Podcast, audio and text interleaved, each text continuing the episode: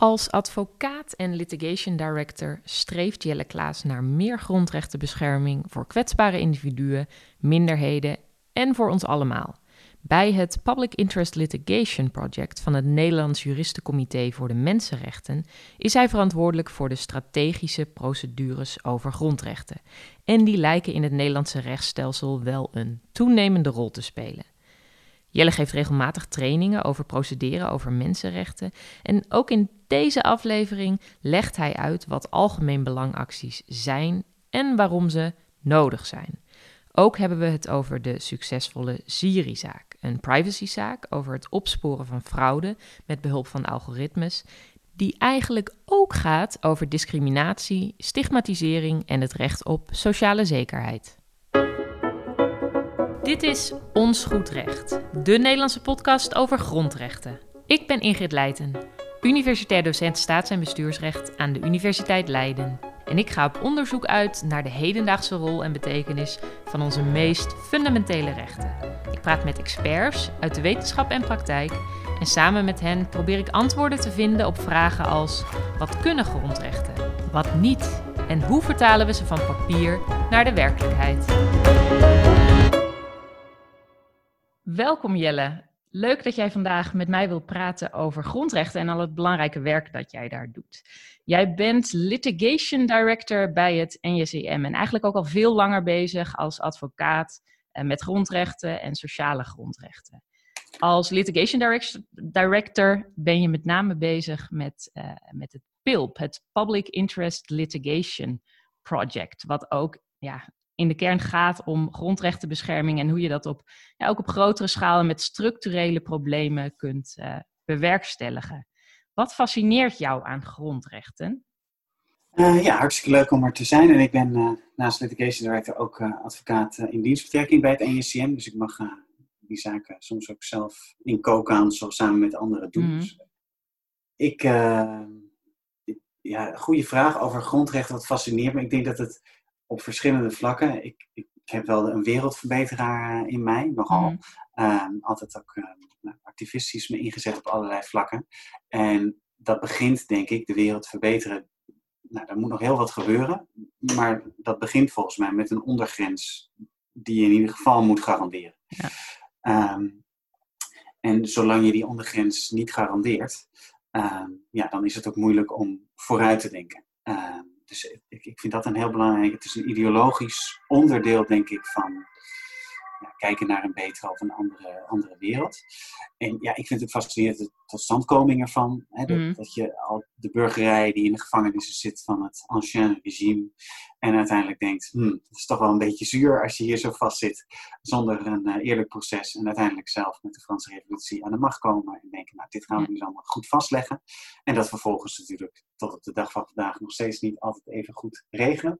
Uh, Tot aan de Tweede Wereldoorlog en de sociale rechten en ook de zeer breed gedragen ja, ondergrens die daar wordt vastgelegd door al die mensen uit de hele wereld die ja. dan mee hebben gekeken van joh, dit moet nooit meer gebeuren.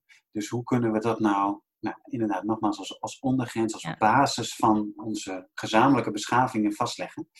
Denk jij, denk jij bij ondergrens dan ook meer specifiek aan sociale rechten? Want er wordt wel gezegd, je hebt in ieder geval ook een basis aan nou ja, sociale ja, waarden nodig om überhaupt ook te kunnen genieten van je andere grondrechten.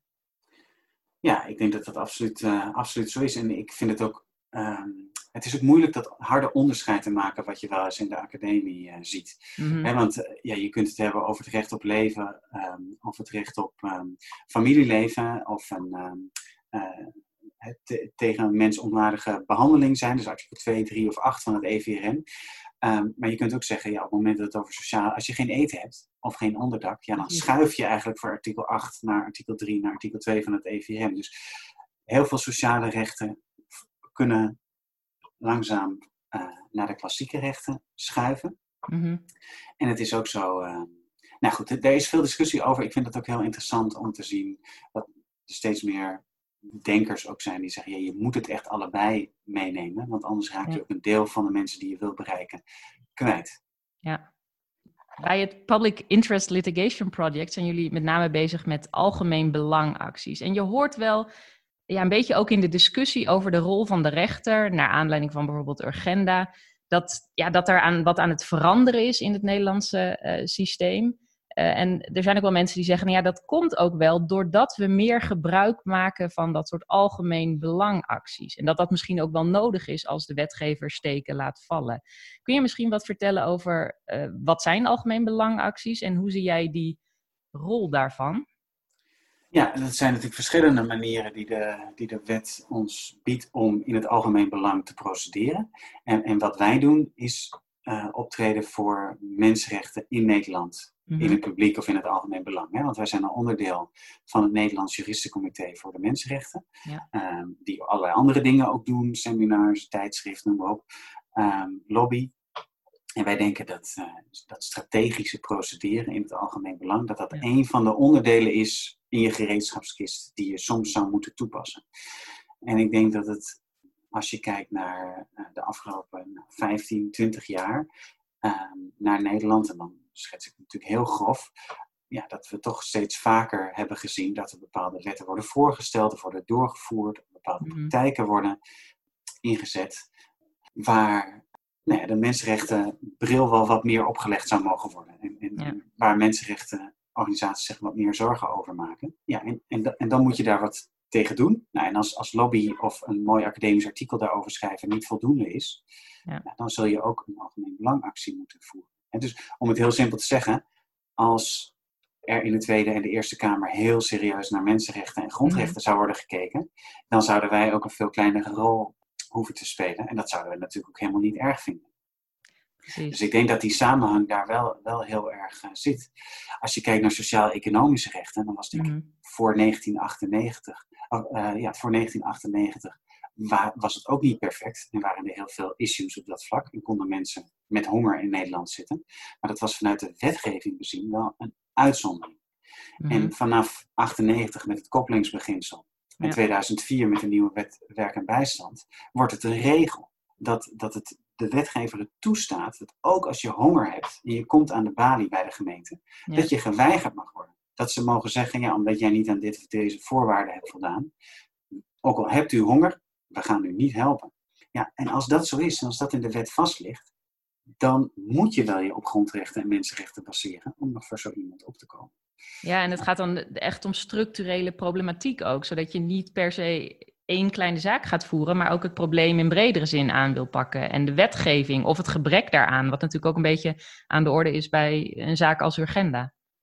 Ja, dus als je zo iemand hebt die aan de balie staat en die honger heeft, maar vanuit de wet niet geholpen mm. mag worden, en die gaat daarover procederen, dan is het wel een strategische procedure. Met wat ook een president zou kunnen zijn. Ja. Uh, maar dat is nog geen algemeen belangactie. Nee. Een algemeen belangactie is als we een heleboel van dat soort situaties hebben gezien en we komen er op een individueel vlak bijvoorbeeld niet doorheen, of, of dat kan niet, omdat er uh, bepaalde procedurele barrières zijn, ja, ja. Dan, dan, dan, kun je dus op grond van uh, met het civielrecht of met het bestuursrecht kun je, en dat is, dat is heel mooi in Nederland, als ik college geef ook vooral aan internationale groepen, leg ik altijd eerst uit dat we een van de weinige beschaafde landen zijn zonder een mhm. constitutioneel hof, wat absurd is. En dan schrikt um, iedereen. Uh, dan schrikt iedereen en, en nou, dan kan ik daar een tijdje over doorgaan. Uh, maar tegelijkertijd is het in Nederland wel mogelijk om met clubs in het algemeen belang naar de, naar de rechter te gaan. Ja. En ik geef dan vaak het voorbeeld van een of andere van een zaak uit Utrecht, die ik op een gegeven moment ooit voorbij zag komen. Dat ging over dat de gemeente Utrecht uh, had bepaald dat er geen oude auto's meer in het centrum mochten rijden, want die mm waren te vervuilend. Nou, toen kreeg je een, een, een, dus een, procedure tussen de gemeente en de vereniging van oude autobezitters of iets dergelijks. Mm -hmm. En toen mochten milieuclubs zich als derde belanghebbende namens het milieu, dus in het publiek belang van ja. het milieu, voegen in die zaak. En dat is wel heel mooi, omdat je dan inderdaad, ja, je zou kunnen veronderstellen dat de gemeente dat belang wel meeneemt. Maar ja, bij de gemeente spelen ook allerlei andere belangen. Ja. Um, en dat, dat, is wel een hele mooie manier, denk ik, om dat, uh, uh, nou, zeker als, als we denken dat die grondrechten onder druk staan, om ja. mogelijk te maken dat, uh, dat er een betere afweging plaats kan vinden bij de rechter. Ja. Ja, inderdaad. Want algemeen belangactie zegt het al. Jullie komen op voor algemene belangen. Aan de ene kant ga je er misschien vanuit dat, dat de staat, de wetgever, daar al rekening mee houdt. Dus het is best ook een bijzondere mogelijkheid, en die misschien ook om die reden wel niet in alle landen beschikbaar is, dat ook, nou ja, dat je van buiten de overheid voor die algemene belangen op kunt treden. Ja, er zijn wel, het, is, het is vrij ingewikkeld geworden, artikel 305a van het burgerwetboek. Uh, er is heel veel over te zeggen, maar het is ook heel technisch. Het is allemaal ietsjes lastiger geworden. Maar grofweg kunnen wij als Nederlands Juristencomité voor de Mensenrechten een mhm. zaak doen in het collectief belang. Ja. Dus wij doen, wij doen een zaak over de Afghaanse 1F'ers. Dat is een groep mhm. vluchtelingen die tussen wal en schip zijn geraakt. En waar de Raad van State nog een problematische uh, toepassing van het Europees uh, recht uh, gebruikt. waarin ze eigenlijk zeggen, je bent een oorlogsmisdadiger. En ja, jij moet het tegendeel bewijzen. Nou, de omkering van het bewijs, dat ze spelen wat lastige mhm. dingen. Nou, daar treden wij als NJCM op namens het algemeen belang van een goede afweging van mensenrechten en EU-rechten. Ja. En het collectieve belang van alle Afghanen die in die situatie zitten. Mhm. En dat zijn eigenlijk de twee verschillende manieren waarop je algemeen belangacties kunt voeren. Ja. En, en met de nieuwe de aangepaste wet en ook wat we steeds meer zien, is dat je ook steeds meer die collectieve actie en, en toch met meer class action mogelijkheden eh, gaat zien. Ehm, maar wij zitten veel meer op die algemeen belang actie. Dus voor alle Nederlanders of voor alle gevangenen of alle vluchtelingen ehm, moet er een zo goed mogelijke afweging van mensenrechten plaatsvinden. Ja. Interessant. Uh, je zegt het is technisch geworden. Mijn volgende vraag is misschien ook een beetje technisch van aard. Iets wat mij ook vanuit mijn onderzoek heel erg uh, uh, interesseert. Um, we weten in Nederland, je zei het net al, we hebben geen constitutioneel hof. we toetsen wetgeving in beginsel niet aan onze grondwet. Dus ook de grondrechten die in de grondwet zijn vastgelegd, ja, die, die gebruiken jullie denk ik ook niet zo heel vaak, omdat daar meestal door de rechter ook niet zoveel mee wordt gedaan. Nou, het alternatief is dan het Europees Verdrag voor de Rechten van de Mens, meestal in eerste instantie. die rechten zijn één ieder verbindend, daar gaat de rechter mee aan de slag. De rechter kijkt naar de rechtspraak van het Europees Hof voor de Rechten van de Mens.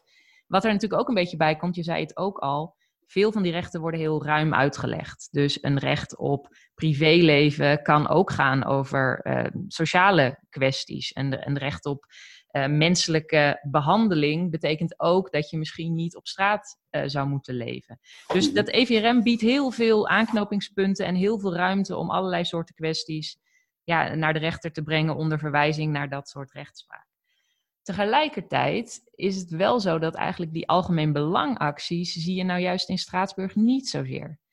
En ik kan me voorstellen dat als jij dus aanknopingspunten zoekt, op het moment dat je een zaak voert in de rechtspraak van het Europees Hof, dat dat best soms lastig is om in hele algemene kwesties te zoeken naar aanknopingspunten in zaken bij het EARM die toch meestal nog een stukje individueler van aard zijn. En ik, ik zie dat een beetje in hoe ik ook naar, uh, naar de Urgenda-zaak eh, kijk.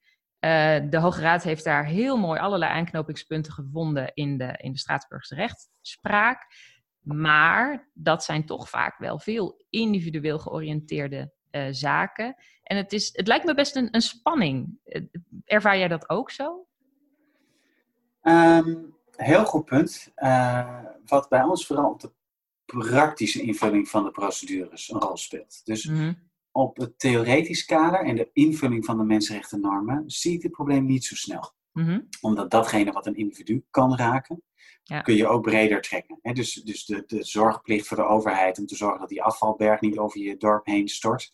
Uh, ja, als het over dat ene specifieke dorp gaat, of die ene mhm. inwoner in dat dorp, daar kun je ook een les uithalen die je nou, over uh, de tabakslobby's, schone lucht, uh, allerlei andere elementen kun je dat dan in terug uh, laten komen.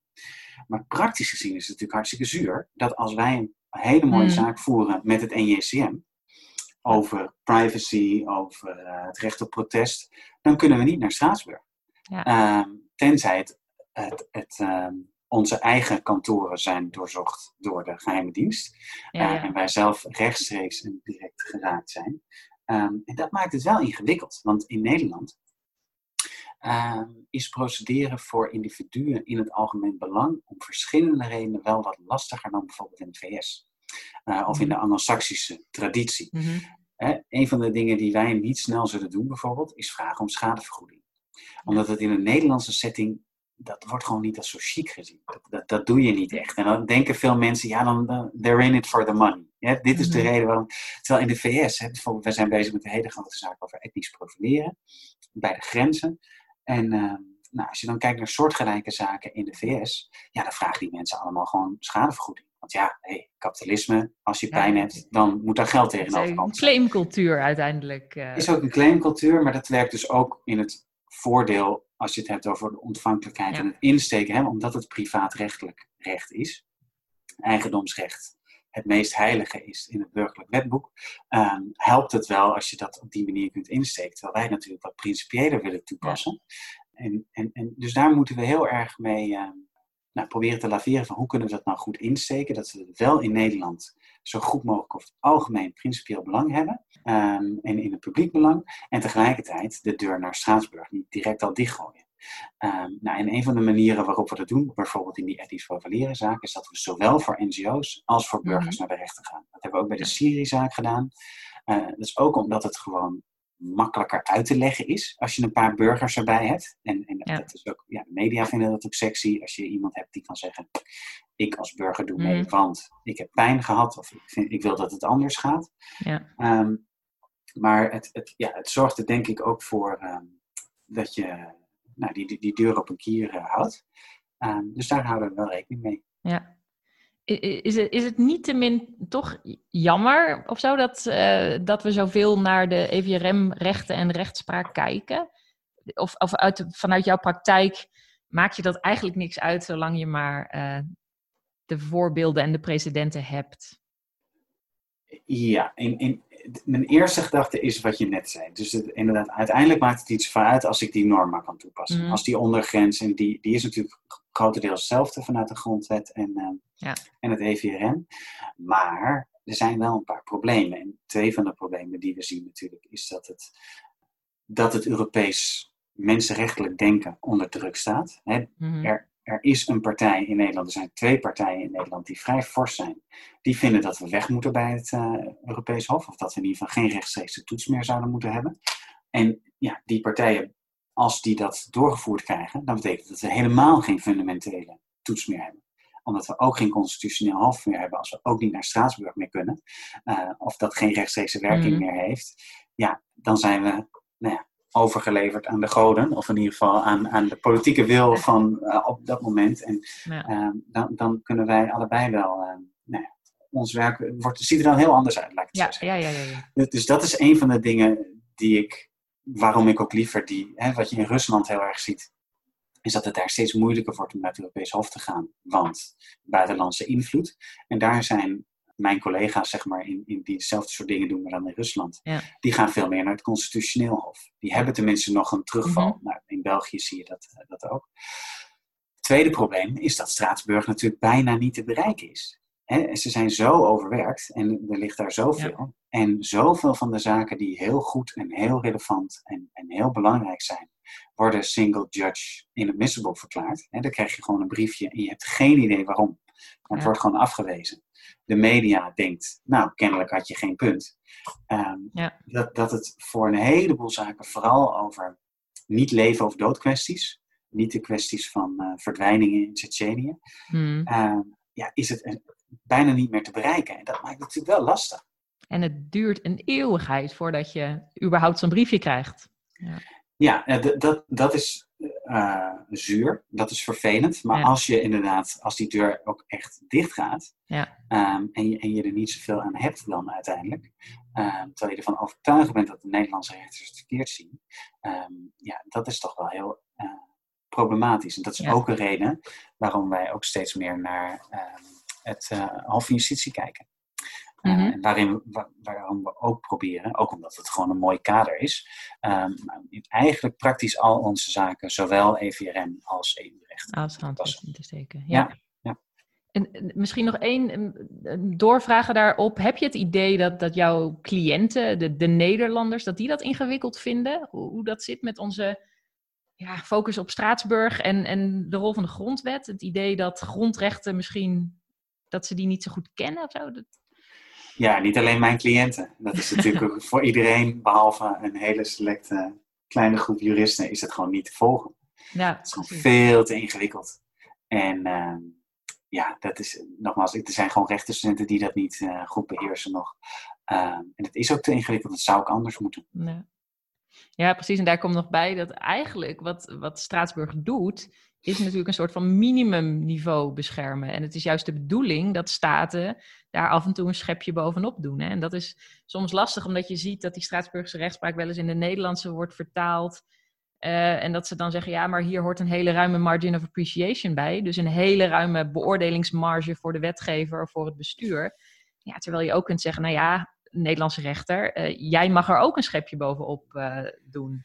Ja, ja, laat staan de progressieve realisatie van mensenrechten. Als er daar eens een keer iemand zich aan zou houden, dan zijn we ook een stapje ja. dichter bij een betere wereld. Ja. En dan zien we natuurlijk nog dat op de meest politiek gevoelige thema's, zeker waar het gaat om de onmenselijking van vluchtelingen en alle problemen aan de Europese grenzen, ja, het Europese Hof in Straatsburg ons echt vies in de steek aan het laten is. Hè, ondanks die zaak over die twee vluchtelingen die over het hek zijn geklommen. Nou, dat is echt een rampzalige uitspraak. En dat heeft natuurlijk ook mee te maken, Europees, dat uh, het Europees Hof, uh, zowel in Straatsburg als in, uh, in, in, Luxemburg, mm -hmm. dat die natuurlijk ook aanvoelen van we moeten heel erg, we moeten niet de radicale dingen doen. Ja. het Hof van Justitie in Luxemburg heeft ook in mijn mening rampzalige uitspraken gedaan over hijabverbod. En mm -hmm. die, die, nee, goed, dus dat is ook nog eens een keer lastig, dat dat heel erg onder druk staat. Maar goed, tegelijkertijd, er zijn nog genoeg grondrechten waar we wel wat mee kunnen en, en waar we wel een haakje kunnen vinden daar. Dus uh, ik wil niet te pessimistisch beeld schetsen. En uh, inderdaad, een van jullie grote recente successen was wel de Siri-zaak over de, het System Risk Indication. Uh, zoals dat werd gebruikt om belastingfraude op te kunnen sporen. Als ik het goed begrepen heb, daar werd op basis van een hele set aan gegevens, die werden verwerkt en daarmee werden risicoprofielen gecreëerd. zodat je een beetje kon inschatten waar zou nou wel eens uh, belastingfraude of sociale zekerheidsfraude kunnen zitten. Misschien kun je iets vertellen over die zaak. Ja, ehm, het is een hele lange procedure geweest en we zijn fantastisch blij met het resultaat. Het is -hmm. echt een van onze mooiste voorbeelden van wat strategisch procederen kan doen. We moeten wel direct bij zeggen dat we dit uh, aangereikt hebben gekregen en volledig samen hebben gedaan met het platform Bescherming Burgerrechten. Mm -hmm. Um, met, die ook een aantal experts op het gebied van privacy hebben. En met verschillende advocaten, waaronder uh, Anton Ecker en Douwe Linders, die ons daar hebben bijgestaan. Nou, en natuurlijk nog allerlei anderen. Um, maar wij hebben dat gecoördineerd en opgezet. En ja, wij wilden in het begin, toen we begonnen met het PILP in 2014, uh, ook iets doen rondom privacy. En ja. uh, nou, toen hebben we ergens in 2015 met dat platform gezeten en eigenlijk aan hen gevraagd van joh, waar doet het pijn? waar zien jullie nou de, de, heftigste issues op het gebied van privacy, uh, waar een strategische procedure wellicht zou kunnen helpen? En toen zeiden zij, ja, het Siri-systeem. Nou, mm -hmm. Ik had mhm. er echt nog nooit van gehoord. Um, terwijl ik wel toch pleeg me goed te informeren over dit soort dingen. Um, en toen ja, vonden we al vrij snel een Volkskrant artikel waarin over het Siri-systeem werd gezegd nou, iets als vanaf nu gaat de overheid al haar burgers als ordinaire criminelen behandelen. Mm. Um, maar verder had er niemand wat over geschreven. Het was als een hamerstuk door de Tweede en Eerste Kamer gekomen. Dus een paar kleine nuances nog over wat je zei. Het uh, interessante van het systeem risico-indicatie is dat het niet gaat om belasting of sociale zekerheidsfraude. Ja. Zo is dat wel geframed door de overheid ook, maar het ging om misbruik van overheidsgeld. Mm -hmm. Dus super ruim.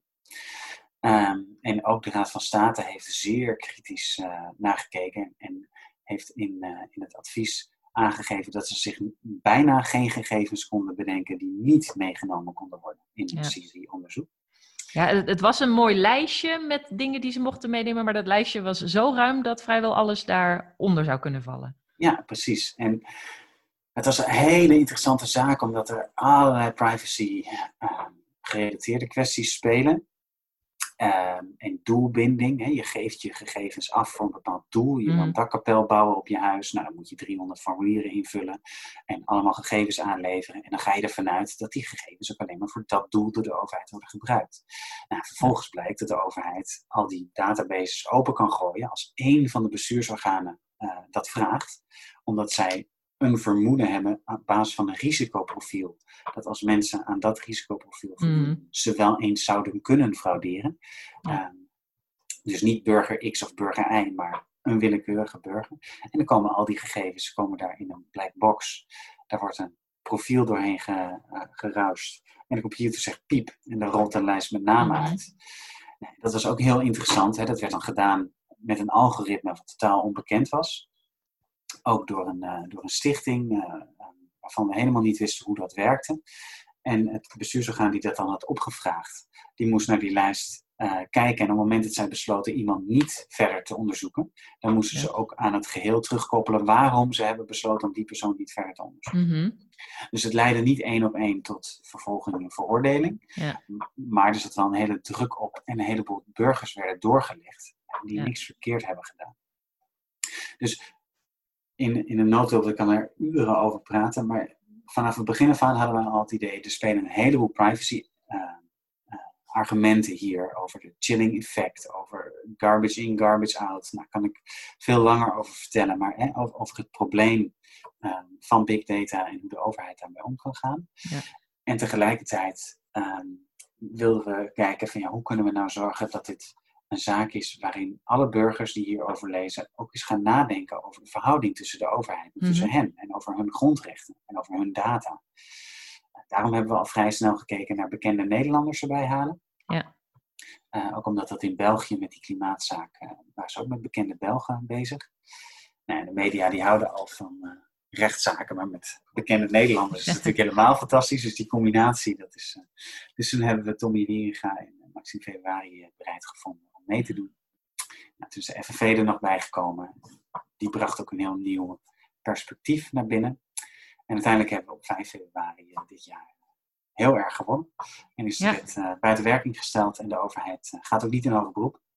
Precies, dat is ook wel goed nieuws lijkt me als je dat dan... Het is echt fantastisch. En het is een hele ik denk dat de privacy-experts en, wat rechtswetenschappers echt nog wel wat hebben aan te merken op die uitspraak. Maar ik vind het echt fantastisch. Ik, ik vind echt dat de rechters hebben zich zo goed ingelezen en zo mm goede afweging gemaakt. Um, zo goed nagedacht over wat ze op papier hebben gezet. Het is heel goed leesbaar en tegelijkertijd nou, hebben ze echt heel goed naar het totaal gekeken. En die belangenafweging die rechters kunnen maken, die je bijvoorbeeld met een referendum tegen de WIF, eh, de Wet op de Inlichting mm. Veiligheidsdienst, kon je alleen maar ja of nee zeggen.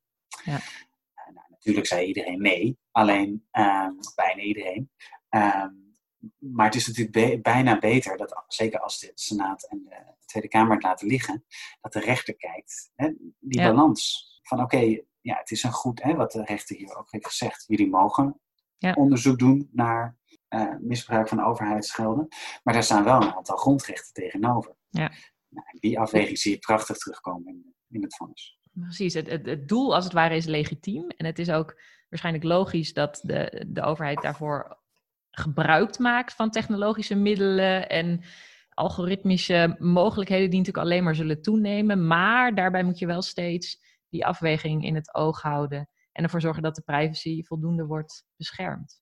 Ja, en dus niet alleen de privacy. En dat is ook een. Uh, het, gaat, het gaat verder dan dat. Het gaat ook over. Nee, niet alleen de, uh, ook de doelbinding, maar ook ja. uh, niet discriminatoire optreden. Ja. Er spelen een heleboel elementen mee ja. waar je dan naar moet kijken. Ja, Heel mooi. Nou, inderdaad, je zegt ook het, het punt van discriminatie. Uh, het ging hier om, ja, dit onderzoek werd met name uitgevoerd in bepaalde probleemwijken. Dus eigenlijk ga je zoeken daar waar je misschien wel het meest verwacht. Dit leidt ook, hebben jullie ook aangevoerd, tot nou, uh, stigmatisering misschien van mensen die uitkeringen krijgen.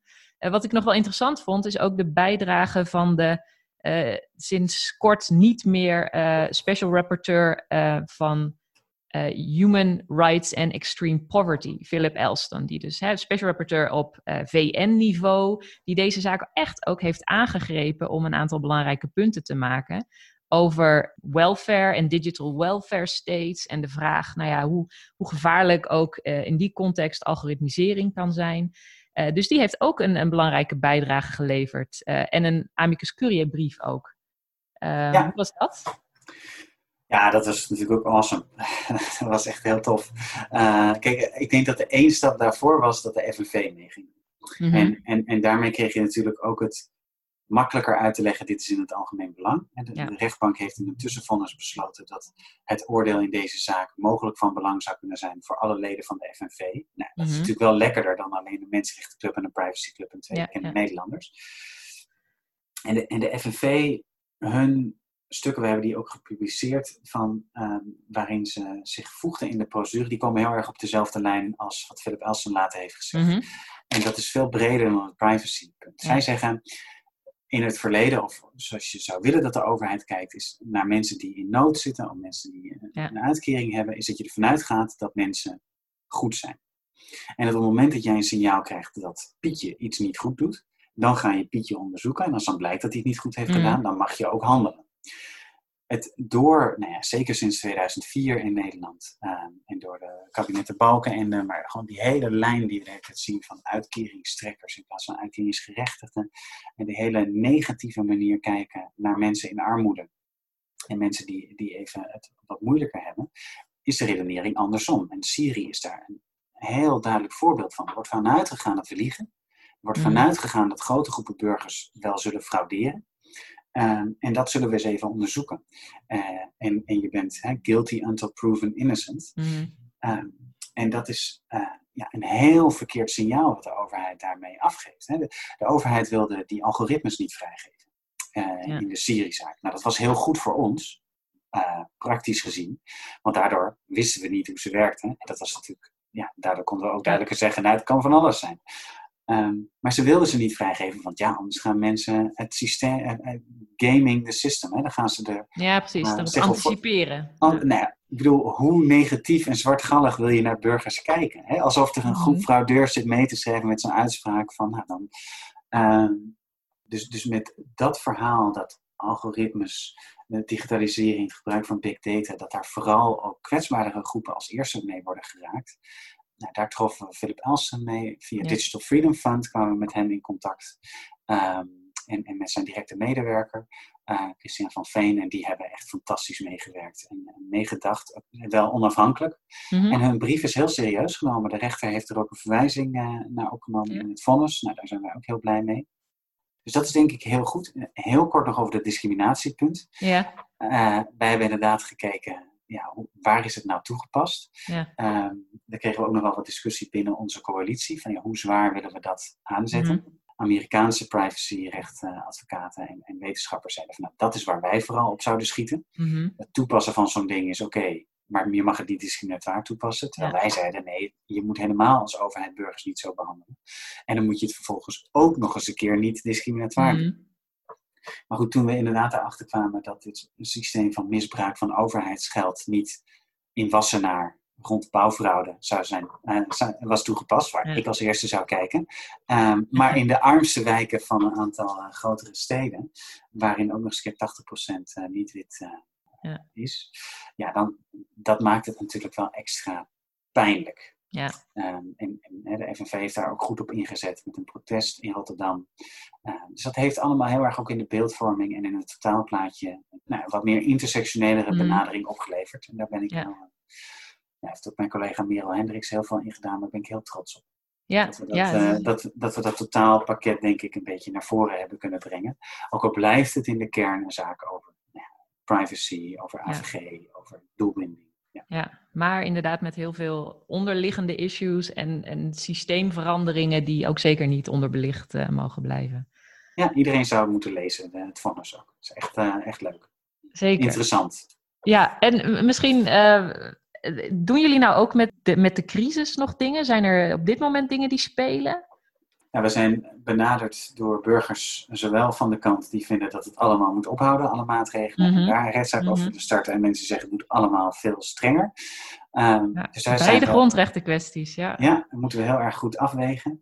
Eh, we hebben net een zaak gevoerd en eh, nou, bij de voorlopige voorzieningenrechten verloren over het recht op protest Mhm. en beperkingen eh, in het kader van de coronamaatregelen. De burgemeester van Den Haag had aan een groep milieuactivisten gezegd: jullie mogen wel demonstreren, maar met maximaal 30 mensen. Terwijl zij hadden gezegd: ja, we willen met 100 staan, op anderhalve meter, met mondkapjes en handenwasinstallaties. Ze hadden allemaal dingen Ja. om rekening te houden daarmee.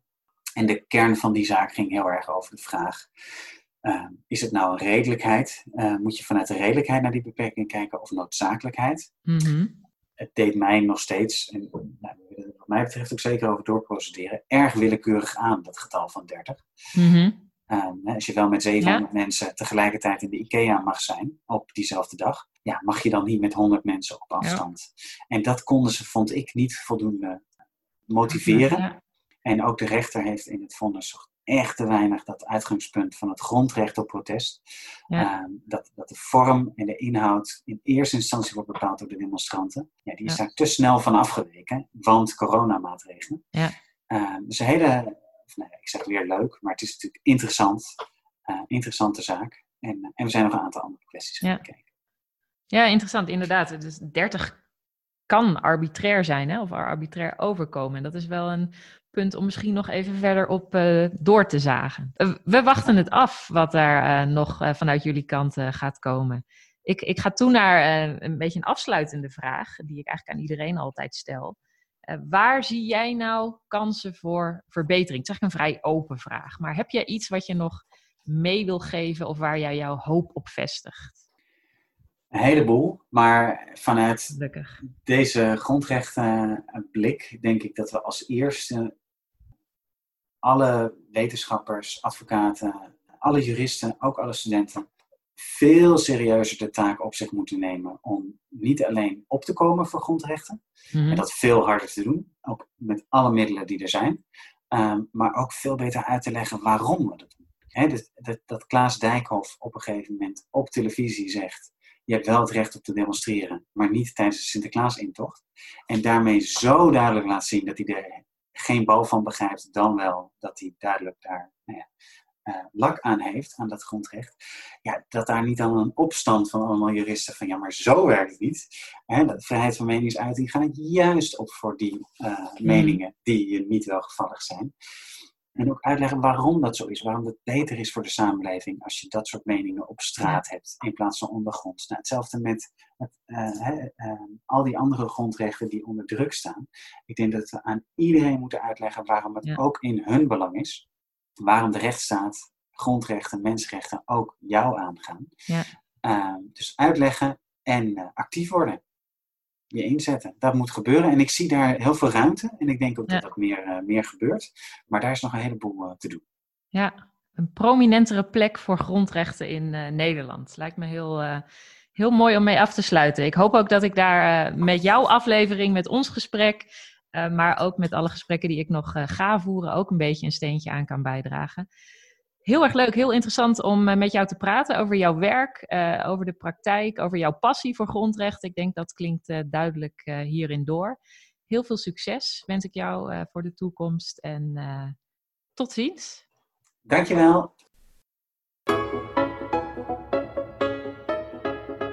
Dit was Ons Goed Recht. Heel graag tot de volgende aflevering. Vragen en suggesties zijn van harte welkom, bijvoorbeeld via www.ingridleiten.com. Deze podcast is mede mogelijk gemaakt door de Young Academy Leiden.